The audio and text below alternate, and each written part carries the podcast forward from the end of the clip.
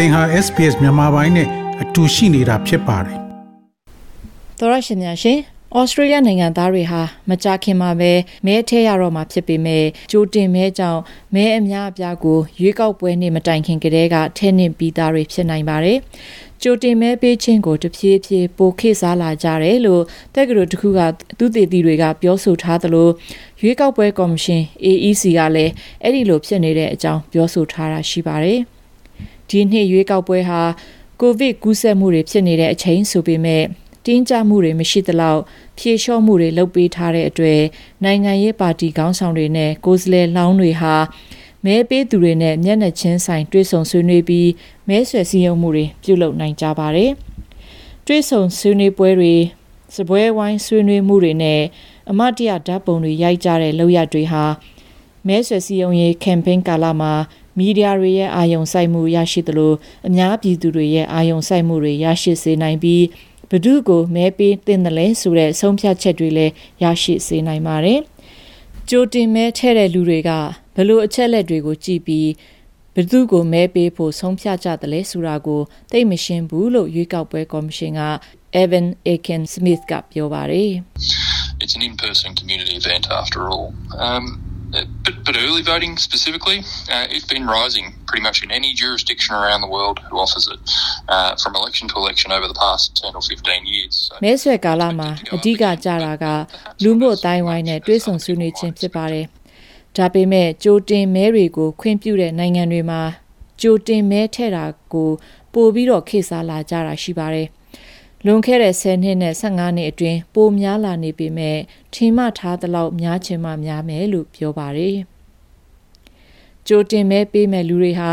ရွေးကောက်ပွဲမတိုင်ခင်နှစ်ပတ်အကြာကြိုတင်ဖွင့်ထားတဲ့မဲယုံတွေကိုသွားပြီးတော့လူကိုယ်တိုင်သွားရောက်ပြီးမဲပေးနိုင်တယ်လို့စာတိုက်ကနေတဆင့်လဲမဲပေးနိုင်ပါတယ်။လူအများစုကတော့လူကိုယ်တိုင်သွားရောက်မဲပေးတဲ့နီးကိုရွေးချယ်ကြလိမ့်မယ်လို့ AEC ဖွဲ့က Mr. Erkin Smith ကပြောပါတယ်။ postal voting hasn't risen like early voting has. It's remained stable at about 8% of the population casting a postal vote each election. It'll probably go up this federal election due to COVID. စာတိုက်ကနေတဆင်မဲထဲတာက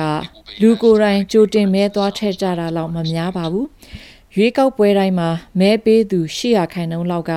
စာတိုက်ကနေတဆင်မဲပေးကြတာမျိုးပြုလုပ်လို့ရှိပြီးမတိုးမလျှော့တဲ့အနေအထားမှာပဲရှိနေတာပါ။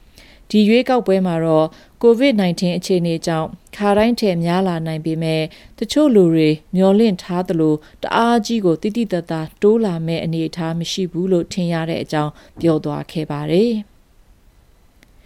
ကြိုတင်မဲကိုဘသူတွေကပေးနိုင်တယ်လဲအနည်းဆုံးမဲယုံကသူတို့နဲ့10ကီလိုမီတာအကျော်မှာရှိနေတဲ့လူတွေကြိုတင်မဲပေးနိုင်တယ်လို့ရွေးကောက်ပွဲနေကြရင်ကိုယ့်ရဲ့မဲဆန္ဒနယ်နဲ့ ဝေးနေမယ်ဆိုတာကိုသိကြတဲ့လူတွေကြိုတင်မဲပေးနိုင်ပါတယ်။အဲ့ဒီနေ့မှာအလုပ်လုပ်ရမှာမို့မဲပေးဖို့အချိန်မမီတဲ့လူတွေအနေနဲ့ကြိုတင်မဲလဲထည့်နိုင်ပါတယ်။အဲ့ဒါအပြင်ဘာသာရေးအရာမဲပေးရမယ့်နေ့မှာမဲမထည့်နိုင်တာတွေဖန်ဆီးခံထားလို့ဒါမှမဟုတ် လုံခြုံရေးအရာမဲယုံကိုသွားပြီးမဲမထည့်နိုင်ရင်လဲကြိုတင်မဲတွေပေးနိုင်ပါတယ်။ ကိုဝန်ဆောင်ခြင်းအပြင် အခြားသောကျန်းမာရေးအခြေအနေအရာကြောင့်လည်းကြိုတင်မဲတွေပေးခွင့်ရှိပါတယ်။ La Trobe တက္ကသိုလ်ကသူတည်တည် EM to Lock ရဲ့အဆိုအရကြိုတင်မဲတွေကြောင့်မဲဆွယ်စည်းရုံးရေးအနေအထားတွေတနည်းတဖုံအဖြစ်အပြောင်းလဲတွေဖြစ်စေတယ်လို့ပြောပါတယ်။ In the past uh, I say 20 years ago before early polling um, the major parties would often make a major announcement in the last week of the campaign trying to garner those last few votes. Now they they really have to make those announcements. ကြိုတင်မဲတွေမရှိတဲ့လွန်ခဲ့တဲ့အနှစ်20လောက်ကဆိုရင်ပါတီကြီးတွေဟာအဓိကကြေညာစရာရှိတာတွေကိုရွေးကောက်ပွဲမတိုင်ခင်နောက်ဆုံးတစ်ပတ်မှပဲကြေညာလေးရှိပါတယ်။မဲမပေးခင်ရက်ပေါင်းအနည်းငယ်မှာလူတွေသူတို့ကိုမဲပေးအောင်လှုံ့ဆော်ခြင်းဖြစ်ပါတယ်။ဒါပေမဲ့အခုဆိုရင်ကြိုတင်မဲတွေကြောင့် အဲ့ဒီလိုကြီးမားတဲ့အဓိကကြေညာချက်တွေကိုစောစောစီးစီးကြေညာတာမျိုးတွေလှုပ်လာနေကြတယ်လို့ထောက်ပြထားပါတယ်။ရွေးကောက်ပွဲမတိုင်ခင်နှစ်ပတ်အလိုမှာကြိုတင်မဲတွေပေးနိုင်မှာဖြစ်ပြီးအချက်လက်တွေကိုရွေးကောက်ပွဲကော်မရှင် AEC ရဲ့ website မှာဖော်ပြပေးထားပါတယ်။ www.aec.gov.au/voting/ Ways to Boat မှာကြည့်ရှုနိုင်တဲ့အကြောင်းရေးထားတဲ့ Stephanie Cosetti ရဲ့ဆောင်းပါးကိုတင်ဆက်ပေးလိုက်ပါရရှင်ဒါမျိုးသတင်းဆောင်မတွေကိုပိုနားဆင်လိုပါလား Apple Podcast Google Podcast Spotify တို့မှာသင်ပင်ရာဖြစ်ဖြစ်ရယူတဲ့ podcast ကနေပါ